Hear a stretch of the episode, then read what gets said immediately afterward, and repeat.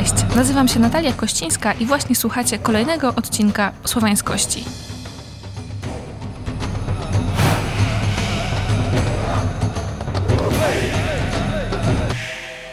W dzisiejszych słowiańskościach kontynuujemy cykl rozmów kwarantannowych, a dzisiaj moim i waszym gościem, gościnią jest Marta Krajewska, którą na pewno znacie z książek o Wilczej Dolinie. Cześć! Cześć, cześć, witam wszystkich. Cześć Natalio. Chciałabym zacząć nie od Twoich książek tym razem, ale od tego, co gdzieś mnie dręczy strasznie i ciągle trafiam na, na to hasła, więc zapytam Cię, co słowiańskiego pamiętasz ze szkoły? Okej, okay. to jest dobre pytanie na początek. To jest temat, który chyba obie lubimy, czyli ten fajny mit, tak, słynny mit, panie, czemu nas tego w szkole nie uczą i czemu tylko ta mitologia grecka wszędzie. Ja pamiętam Słowian ze szkoły. Mało tego, w zeszłym roku pomagałam córce, która była w czwartej klasie, mm, uczyć się historii i właśnie przerabiałyśmy ten czas przedchrześcijański i to, co doprowadziło do chrztu i w ogóle okoliczności chrztu. Więc wiem, że te lekcje są w programie podstawówki. Ja pamiętam, że też to w podstawówce mieliśmy. Pamiętam moją nauczycielkę od historii, która nam bardzo dużo na ten temat opowiadała i ona w ogóle była taką bardzo ekspresyjną postacią i, i zapadło mi w pamięć te wszystkie opowieści i o tym pamiętam, był też Światowic Bruczański i tak było tego trochę, pamiętam. Natomiast z liceum pamiętam Słowian z, z, racji tego, że się totalnie zbłaźniłam na lekcji, czyli e, odpowiadałam właśnie ze Słowian i mieliśmy takiego fajnego młodego nauczyciela, i zostałam zapytana tam coś o, o, co tam o tych Słowianach, nie pamiętam już jakie było pytanie, w każdym razie popisała się Krajewska wypowiedzią, że Bogiem Słowian był Pierun i tutaj po prostu mój historyk parsknął śmiechem, zapytał co, jak się nazywał jeszcze raz? A ja stałam tam i skoro nie Pierun, to jak to było? Wiedziałam, że to było coś z piorunem, ale nie, nie bardzo kojarzyłam, w którą stronę to słowo mam przekręcić, żeby było. A ponieważ jestem tradycyjnym wieśniakiem, to oczywiście poszło mi w pieruny.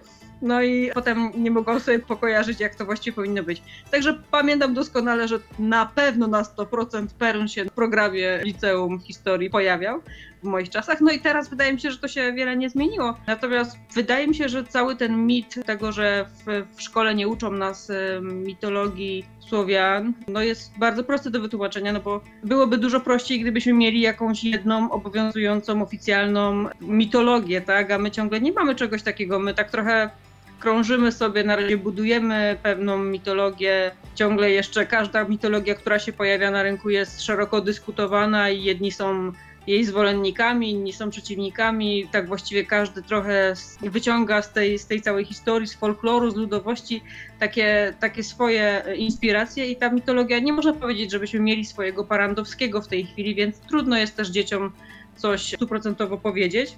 Zwłaszcza, że te mitologie takie literackie to jest nowa rzecz. No to no. się pojawiło w ciągu ostatnich kilku lat. Wcześniej nie bardzo byłoby w ogóle z czego korzystać. Ale nie wiem, no, czy ty pamiętasz... Gejsztor ma tyle, znaczy Gejsztor, ta jego mitologia ma dokładnie tyle samo lat co ja, więc powiedzmy, że dałoby się, no ale jak dzieci w podstawówce... Ale to nie jest poziom podstawówki. No dokładnie, no to w ogóle nie Właśnie. jest poziom w liceum nawet wydaje mi się. Takie główne rzeczy, które można by było dzieciom powiedzieć, no to, to się im mówi właśnie gdzieś tam na lekcjach historii czy polskiego, ale przecież mamy swoje mity założycielskie, przerabiamy je na, na języku języku polskim, tak? Mamy legendę o Lechu, Czechu i Rusie, mamy tam e, wszystkie inne bajki, wszystkie bajki w ogóle, które mamy w dzieciństwie, gdzieś czytane baśnie. Dokładnie, Piast, Popiel. I no i także to się pojawia, tylko że ja o tym ostatnio właśnie też toczyliśmy taką dyskusję na, na panelu tym o słowiańszczyźnie w komiksie i bardzo fajnie się z dziewczynami nam na ten temat rozmawiało i tam też tłumaczyłam mój punkt widzenia, że właściwie szkoła ma też swój program do zrealizowania i jeżeli w szkole pojawia się taka na języku polskim taki temat jak mit, wiesz, czym jest mit, jak się go mhm. buduje i tak dalej, no to uczymy się go na języku polskim na przykładzie czegoś, co jest dobrze zbadane, na przykładzie czegoś, co już jest w kulturze dobrze zakorzenione. I to są, to jest mitologia grecka i to jest Parandowski, tak? A dziwne by było, gdybyśmy nagle mieli wybrać jakiś mit słowiański, bo trzeba by się zdecydować, który ten mit bierzemy, z której mitologii, na czym się no, no co tym dzieciom chcemy no, tak, włożyć do Zwłaszcza, że tak? te mity też są rekonstrukcjami, a nie faktycznie starymi opowieściami. No to znaczy, no one się nie zachowały, nie? Parandowski też nie jest jedyną e, mitologią, tak. jedyną wersją mitów greckich, no ale jest tą, która w tej chwili jest uznana i obowiązuje w cudzysłowie, tak? więc no powiedzmy, że można już się na nim w jakiś sposób opierać, jest literacko już jest zakorzeniony, natomiast ta mitologia Słowian no jeszcze ciągle nie jest. Może, za, może w następnym pokoleniu jakaś taka mitologia się, któraś z nich okaże się tą słuszną, jedyną, reszta będzie ciekawostkami, ale myślę, że nawet tak może się nie stać. Może być po prostu zawsze tak, że to będzie pewna dowolność w tej mitologii i, i tyle. Byleby na historii nie pojawiał się temat Wielkiej Lechi jako państwa, które było przed Mieszkiem, to wszystko będzie git. No. Tak, myślę, że tak. Chociaż fajnie byłoby też, myślę, z dzieciakami rozmawiać o tej wielkiej Lechi, też trochę w kontekście uczenia ich e, krytyki jakiejś i krytycznego tak. podejścia. Mhm.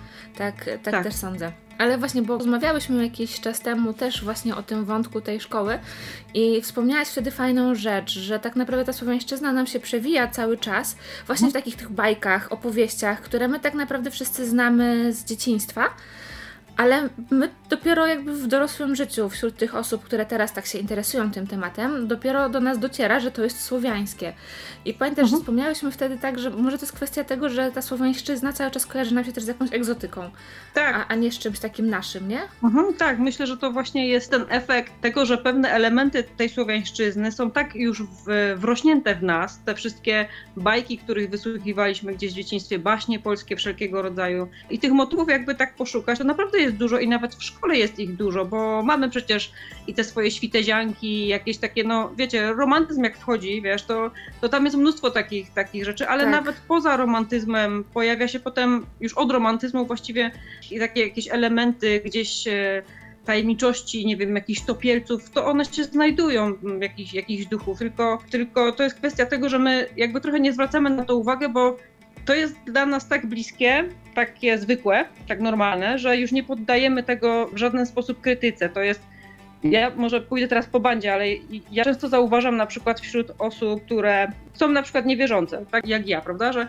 mimo, że uważam się za osobę niewierzącą, w dalszym ciągu wychowałam się w tej kulturze katolickiej głównie i w tym momencie bardzo dużo rzeczy nie poddaję nawet w wątpliwość, tylko, tylko czasami dopiero coś jak mnie tknie, to zastanawiam się, dlaczego ja tak właściwie robię, skoro tak właściwie nigdy się nie zastanawiałam nad tym, że to jest na przykład w jakiś sposób nielogiczne, albo że jest naleciałością już religijną, tak, w mhm. moim życiu. I wydaje mi się, że na tej samej zasadzie te wszystkie rusałki, czy właśnie wodniki, jakieś takie trochę myślenie bardziej magiczne, te wszystkie zabobony, to wiązanie czerwonych wstążeczek na, na wózkach dziecięcych, czy na kołyskach, to wszystko jest nam tak bliskie, już takie no takie nasze, że nie postrzegamy tego jako czegoś e, wyjątkowego, tylko to jest coś, co, co zawsze było, tak? I nawet jeżeli się teraz podśmiechujemy już z tego wiązania czerwonych wstążeczek, to mimo wszystko w dalszym ciągu ja tą czerwień widzę na wózkach. I to niekoniecznie są ludzie, którzy są zafascynowani słowiańszczyzną dawną, tylko to są ludzie, którzy robią to, bo no bo tak się robi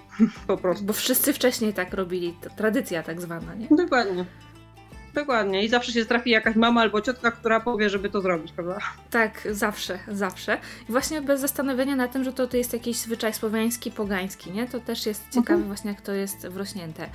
Ale właśnie, jak jesteśmy w tym temacie, to skąd wzięło się u Ciebie to przekonanie, zwłaszcza po tym pierunie w szkole, żeby wykorzystać tę słowiańszczyznę w swojej książce? No właśnie to jest zabawne, zawsze uważam to za strasznie śmieszne, że ja po prostu jeszcze w liceum kompletnie nic nie miałam pojęcia na temat Słowian, poległam na jakimś pierunie, a kto by pomyślał, że kiedyś Krajewska będzie tutaj, będzie pisać takie książki i będzie w ogóle tyle wiedzieć, bo no, zdaję sobie sprawę, że dużo rzeczy jeszcze pozostaje mi do nauczenia się, ale no, jakiś tam poziom już tej wiedzy mam i mogę na nim budować.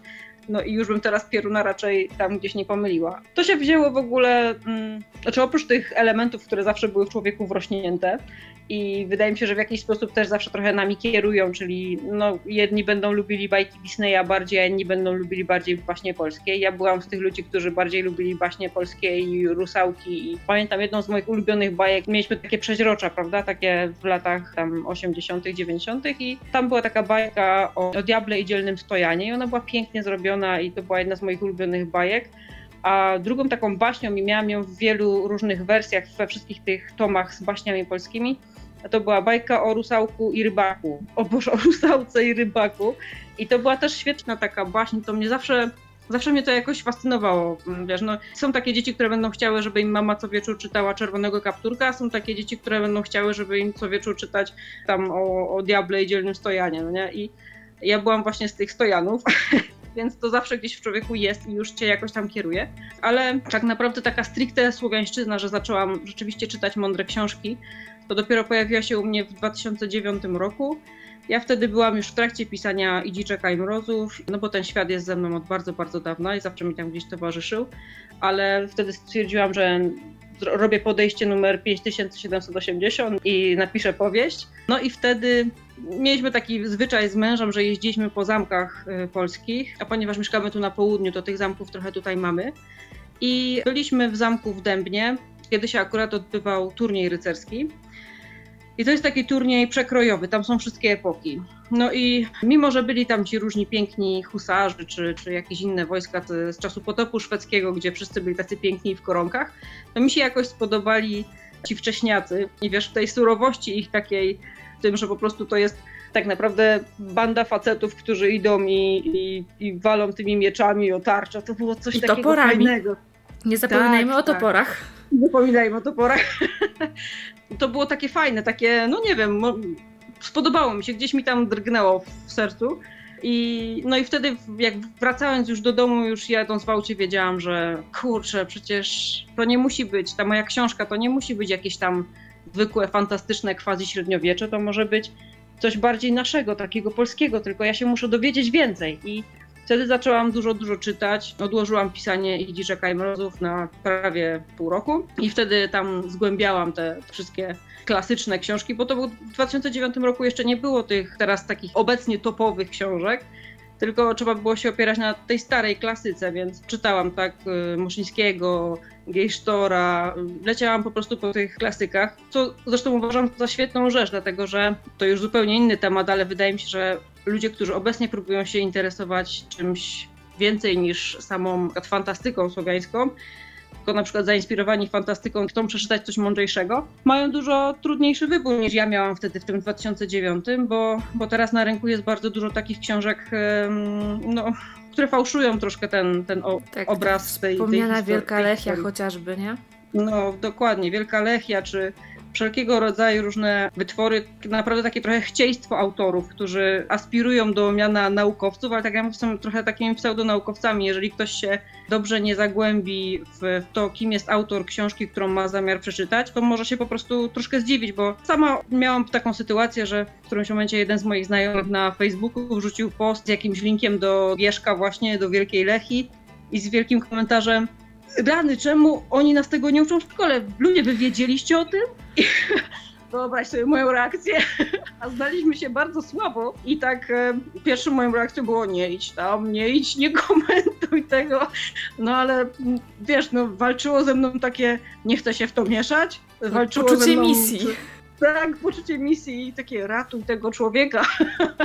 I najgorsze było, że jego znajomi w komentarzach też zaczęli, wiesz, googlować temat i w komentarzach patrz jeszcze tu, wow, wow, zobacz na to, nie? A ja po prostu już scrollowałam te komentarze i myślałam sobie, nie, nie idźcie tam ludzie, nie czytajcie tego. Także zdaję sobie sprawę, tym bardziej, że nie wiem, wchodzę do jakiegoś marketu i widzę, jakie książki są wrzucane w tych takich koszach na przykład, tak, w, ty, w tych miejscach, gdzie te książki właściwie same ci się pchają do rąk, mają atrakcyjne tytuły, atrakcyjną czatę taką graficzną i na pewno są dużo bardziej przystępne, tak nawet wizualnie dla kogoś, kto szuka źródła, niż no, te stare książki, czy te mądre jakieś naukowe opracowania, prawda? Każdy będzie wolał sięgnąć po coś przystępnego, czyli takiego raczej popularno-naukowego, a tam trzeba po prostu bardzo mocno wiedzieć, Uważać. co się czyta.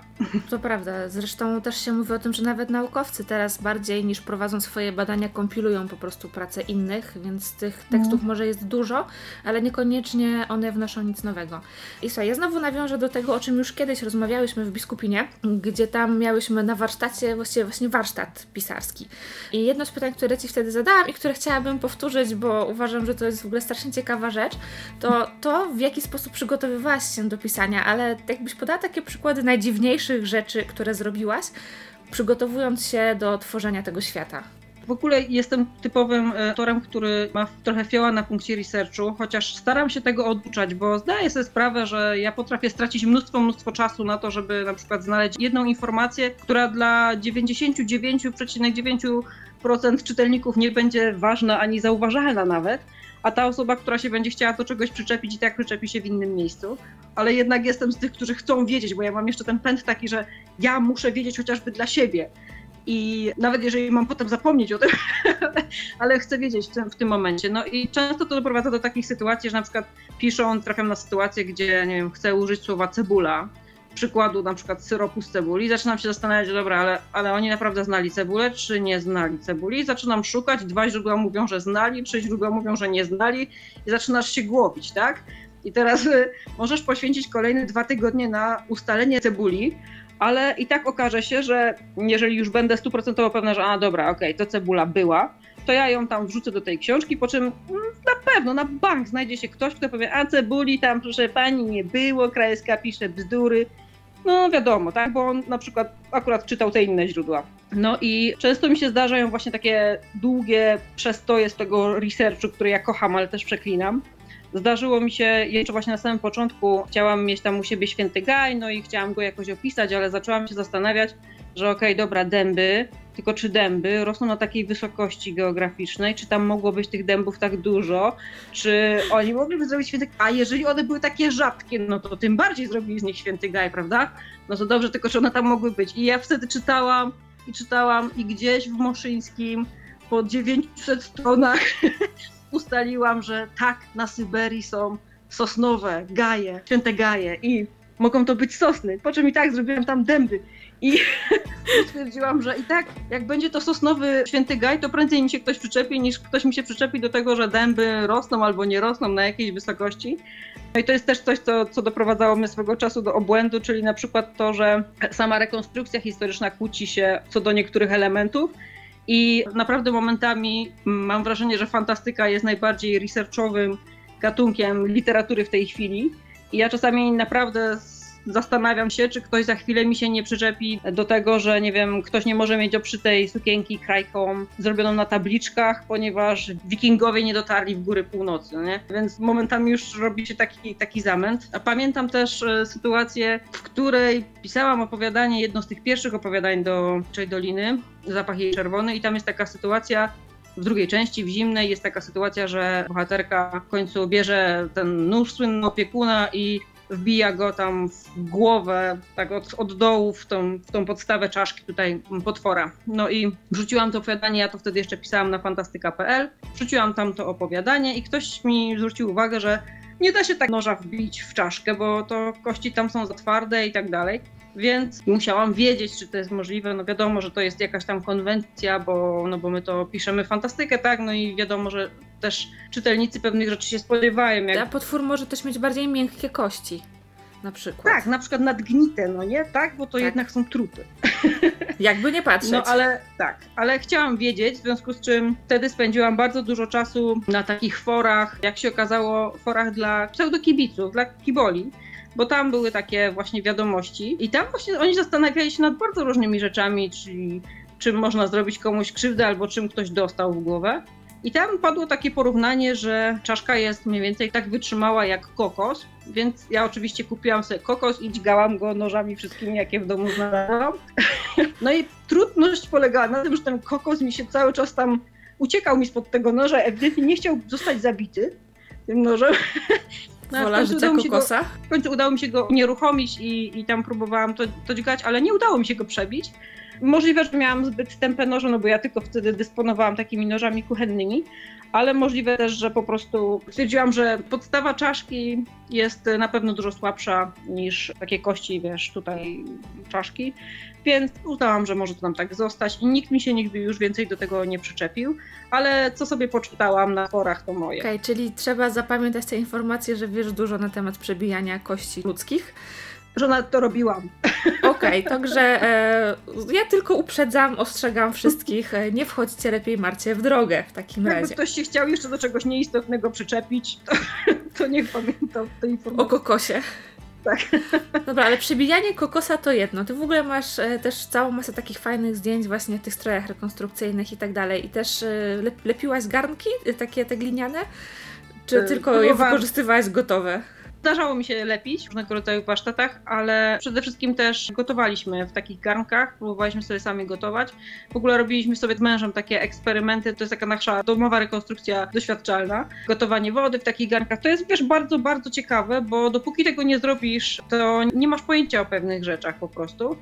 I ja miałam to szczęście, że na jednym z festynów, chyba to było w Krakowie, spotkałam państwa lisów. Właściwie to, to było takie strasznie ujmujące, bo wiesz, ja podeszłam i powiedziałam, że o, tutaj proszę o autograf i że też chcemy spróbować coś tam sobie pogotować w tych garnkach. Pani Hanna mi wtedy powiedziała, o to uważaj sobie, żeby zrobić tak i tak i tak i żeby ten garnek obracać i powolutku do tego żaruj.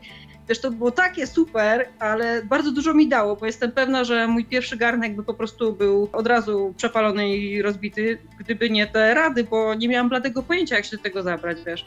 No i mm, oczywiście, że szyłam sobie sama też y, sukienki. Do tej pory zresztą szyję. Pierwszą sukienkę, jaką uszyłam, pierwsze giezło właściwie, jak uszyłam, szyłam ręcznie, bo byłam tak bardzo ortodoksyjna i postanowiłam uszyć ręcznie. Zajęło mi to trzy dni. Potem stwierdziłam, że sukienkę wierzchnią szyję jednak na maszynie. Być może oczywiście to jest straszny pas i pewnie niektórzy bardziej ortodoksyjni rekonstruktorzy stwierdzą, a to już nie czytamy jej książek, bo ona uszyła sobie na maszynie sukienkę. No ale prawda jest taka, że ja widzę też po rekonstruktorach, że bardzo często kroje sukienek są na przykład dopasowywane, że rękawy są podcinane, nie są już tak e, szyte na prosto, tak, na tak, kwadratowo. I na maszynie widzę, też się zdarza. Tak, tak. I, i także no, no dla mnie po prostu są rzeczy istotniejsze może niż, niż to, czy sukienka była szyta na maszynie, czy była szyta nićmi, nie wiem, wiesz, tkanymi z własnego tam e, lnu i czy zbierały ten len dziewice o świcie, tylko bardziej chodzi mi o to, żeby mieć sukienkę.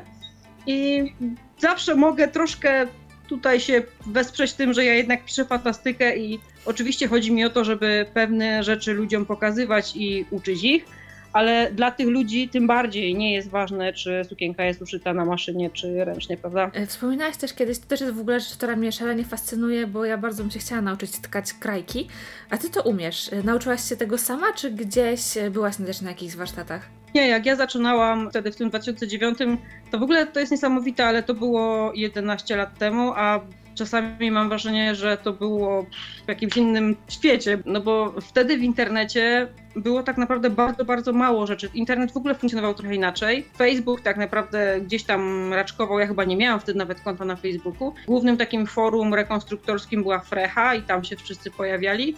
I stamtąd część rzeczy wiedziałam, domyślałam się, ale wiesz, to nie było filmików na przykład na YouTubie. Były jakieś tam bardzo, bardzo podstawowe rzeczy, które można było wyczytać po prostu w artykułach. Były blogi, na których e, dziewczyny próbowały to tłumaczyć. No i tak naprawdę wszystko trzeba było troszkę własną wyobraźnią i, i metodą prób i błędów wypracować, więc Najpierw nauczyłam się tkać na Bartku i do dziś mam tą swoją pierwszą krajkę, którą sobie wtedy utkałam, a potem nauczyłam się na tabliczkach i moja mama, która jest rewelacyjną szwaczką, twierdzi, że to jest dla niej czarna magia i ona tego nigdy nie zrozumie. a dla mnie fascynujące jest to, że szczególnie przy tworzeniu wzorów, ja się wspomagam kartką w kratkę i kredkami kolorowymi i dużo liczę, tak? Bo tam musisz liczyć dużo rzeczy. Oczywiście to nie jest jakaś matematyka wyższa, no ale zastanawiam się, te kobiety, które wtedy tworzyły te wzory, czy one się czymś wspomagały? No przecież nie miały kartek w kratkę i musiały coś w jakiś sposób kombinować. Nie wiem, nie jestem w stanie stwierdzić, nie wydaje mi się, żeby możliwe było zaprojektowanie tak skomplikowanych wzorów tak po prostu w głowie i zrobienie tego tak po prostu. One musiały coś w jakiś sposób to sobie szkicować, planować.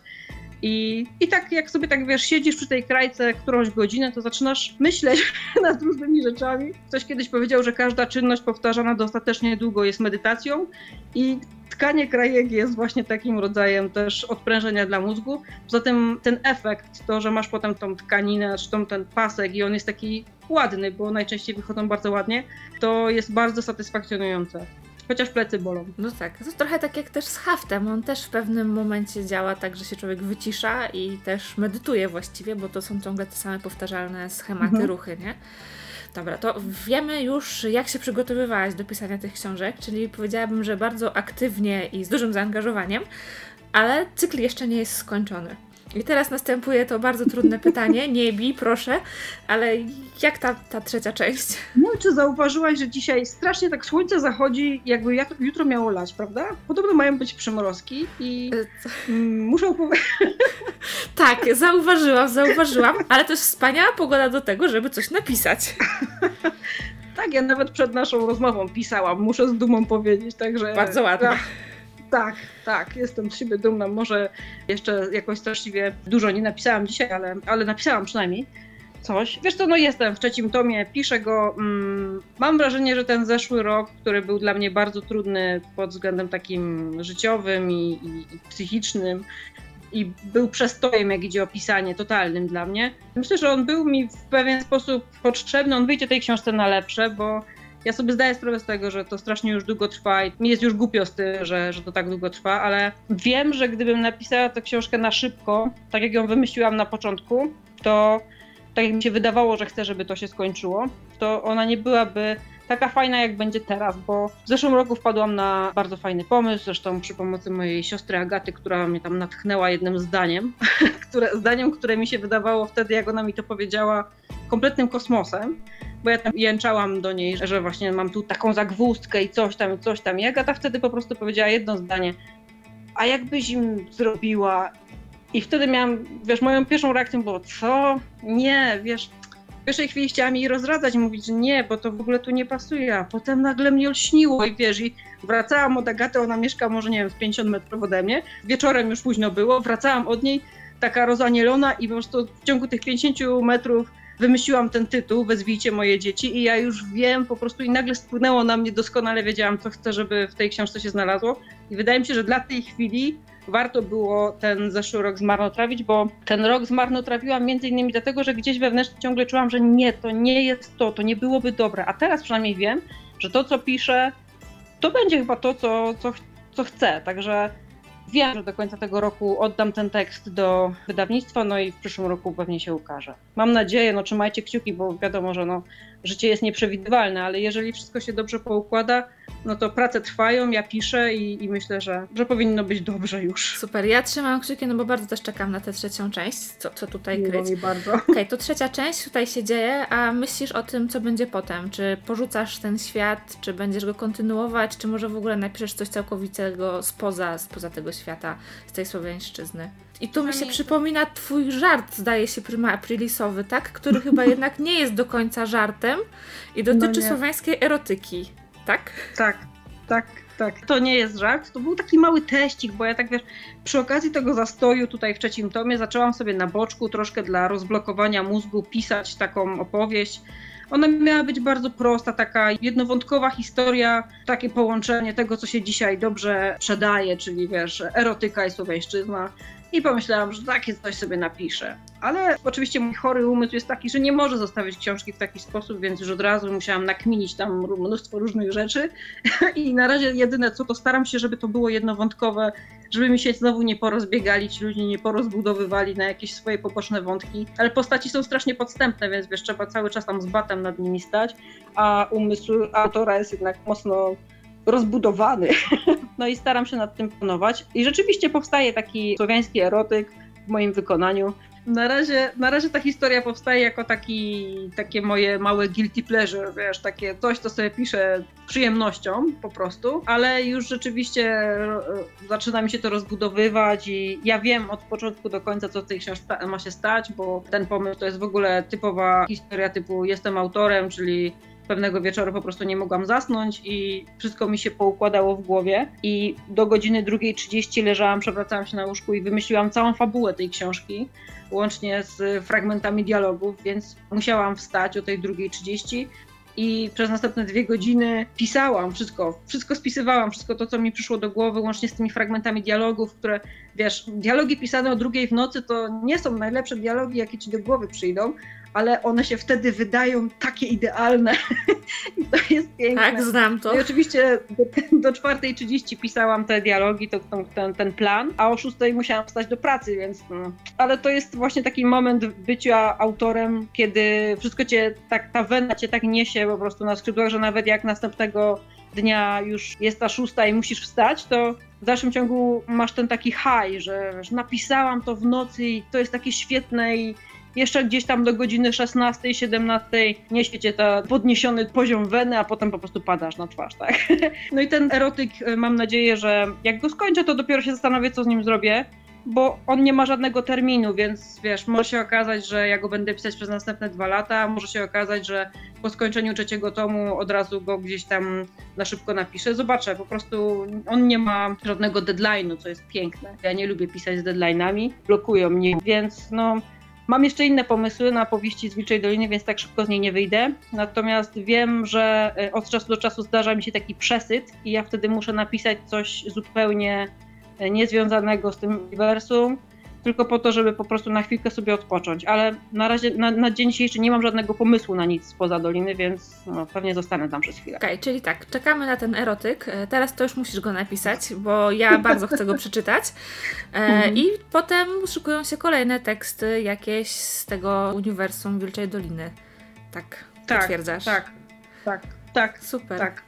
Doskonale, doskonale. Mamy to nagrane i więc już teraz się nie będziesz mogła z tego wycofać. Wspaniale, bardzo mnie to cieszy. Super, no czas nam się kończy, więc y, będziemy kończyć. Trzymamy kciuki za Twoje książki i na to, żeby dziękuję. się pojawiły. Super i dziękuję Ci bardzo za rozmowę. Ja też Ci bardzo dziękuję, było miło jak zwykle.